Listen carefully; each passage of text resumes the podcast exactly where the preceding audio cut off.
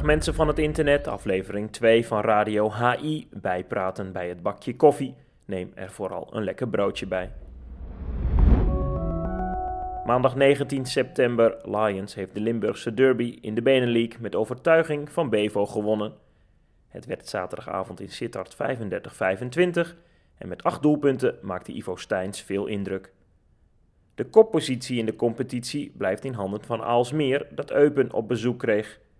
Bij de 37-25 overwinning voor de mannen van Bert Bauer maakten Tim Bottinga en Jeffrey Boomhouwer er ieder acht. Volendam is van de nul af. Ten koste van Tagos boekten de Noord-Hollanders in speelronde 3 van de Benelink de eerste winstpartij van het seizoen.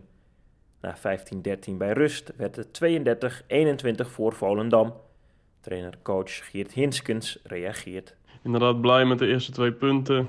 Uh, iets mindere wedstrijd dan de eerste twee tegen Bocholt en Pelt.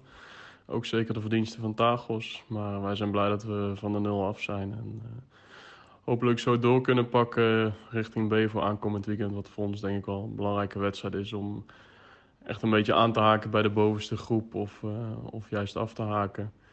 Maar op basis van de eerste twee wedstrijden ja, denk ik dat we goede stappen maken. En met deze nieuwe jonge groep langzaam de goede kant op gaan. Dat zal nog af en toe met een beetje ups en downs gaan. Maar uh, over de gehele linie zijn Gerry en ik erg tevreden. Even vlug kijken naar de Champions League voor vrouwen. Bietigheim heeft gistermiddag geen Spaan heel gehouden van Ferencvaros. 40-20 in Duitsland met vier doelpunten van Kelly Dulver. En drie keer was het raak voor Inger Smits. Meer oranje succes bij Odense. De kampioen van Denemarken liep Most de Tsjechische ploeg onder de voet. 41-22 Dione Haus hier scoorde er liefst 7. Landgenoot Bo van Wetering volgde met 6. Over 10 dagen oefent het Nederlands team in de Golden League tegen Denemarken. In de eredivisie voor vrouwen blijft SCW aan de leiding gaan. De Blauw-Witten hebben knap weten te winnen van finalist VOC. Na 30-30 werd de partij in Noord-Holland pas in de laatste minuten beslist. Mede door 9 doelpunten van Eline Wit klonk bij 36-31 het eindsignaal in het voordeel van SEW. Een voice memo van Michael Vijverberg. 36-31 is natuurlijk een, een fantastische overwinning voor, voor SEW op dit moment. Um, ik denk dat wij ons onwijs goed hebben voorbereid. En dat het feit dat we bezig zijn om de meiden een doel te laten uh, uitvoeren en zichzelf aan de plannen te houden, dat dat de doorslag heeft gegeven momenteel. Uh, we hebben ons goed voorbereid op deze wedstrijd. De meiden zijn serieus bezig geweest met deze wedstrijd. Uh, in de wedstrijd zelf kregen we de tegenstand waar we op hoopten. En ehm, dat hebben we gewoon, we hebben, ons, we hebben ons dit keer echt aan de plannen gehouden en we hebben de plannen uitgevoerd. En het doorzettingsvermogen van het team, dat is de winst. Uh, die we hebben behaald bij, uh, bij VOC momenteel. Nu is het allemaal uh, goed, goed uitgelopen. En hebben we drie wedstrijden het laten zien wat we willen zien. Alleen nu is het kwestie van doorgroeien. En ik denk dat dat het plan is voor aankomend seizoen. Doorgroeien, dat we standaard mee kunnen blijven draaien met de top. En niet zomaar een wedstrijd winnen en dan weer andere dingen gaan laten zien. En niet meer mee kunnen draaien met de top. Ik denk dat dat het belangrijkste is wat we nu en zeker omdat de mensen veel aandacht aan richten, uh, moeten we laten zien dat we standaard goed kunnen blijven spelen. Net als SCW heeft ook handbal Venlo nog niet verloren. De landskampioen wist zaterdagavond Quintus met 39-31 voor te blijven. Onder meer oudspeler van Quintus, Lisanne Kruiswijk, had het namens handbal Venlo op haar heupen. De Noord-Limburgers hebben net als SCW zes punten na drie wedstrijden. Kort over de eredivisie voor mannen. Door drie doelpunten in de staart van Martijn Meijer heeft BFC-concurrent Hellas weten te verslaan. Na de 26-24 van Twan Klompé was het Meijer die in Beek weer voor ademruimte zorgde.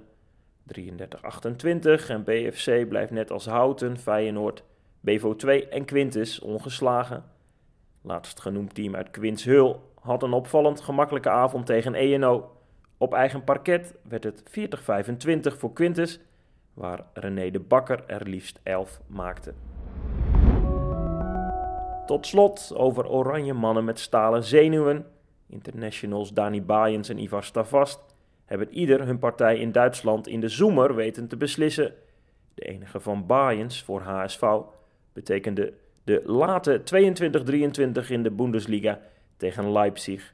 Stavast deed het kunstje na in het tenue van Dresden, een niveau lager. Zo eindigde het tweede Bundesliga-duel met HSG Noordhoorn-Lingen in 27-26 voor de thuisploeg. In Radio HI een teken van leven van matchwinner Stavast. Ja, vervolgens rennen we naar voren en het gaat eigenlijk niet echt helemaal volgens plan. Maar ja, uiteindelijk ja, lukte het wel om een doelpunt te maken. Viel die, viel die tegen de goede kant van de lat aan en uh, stuitte die zo de goal in. Dus uh, ja, oeh, uh, lastig te zeggen wat, wat er allemaal gebeurde. Maar zat er goed in in ieder geval. En um, ja, belangrijk nadat we vorige week verloren hebben. Het is altijd belangrijk om dan na de wedstrijd te laten zien dat je je hebt verbeterd. Of in ieder geval revanche wilde nemen. En ik denk dat we dat zeker als team hebben gedaan. En het was zeker moeilijk aangezien we een paar blessures hebben. Dat we met deze selectie toch nog een belangrijke overwinning tegen een heel goed Noordhoorn eigenlijk. Dus belangrijk en uh, ik hoop dat het een mooi perspectief biedt voor de rest van de competitie als alle blessures weer fit zijn. Tot zover Radio HI van maandag 19 september. Heb je tips, hints of wil je mij, Stijn Steenhuis, de host van deze podcast, iets influisteren? Mail vooral naar redactie.handbalinsight.nl. Heb een fijne maandag.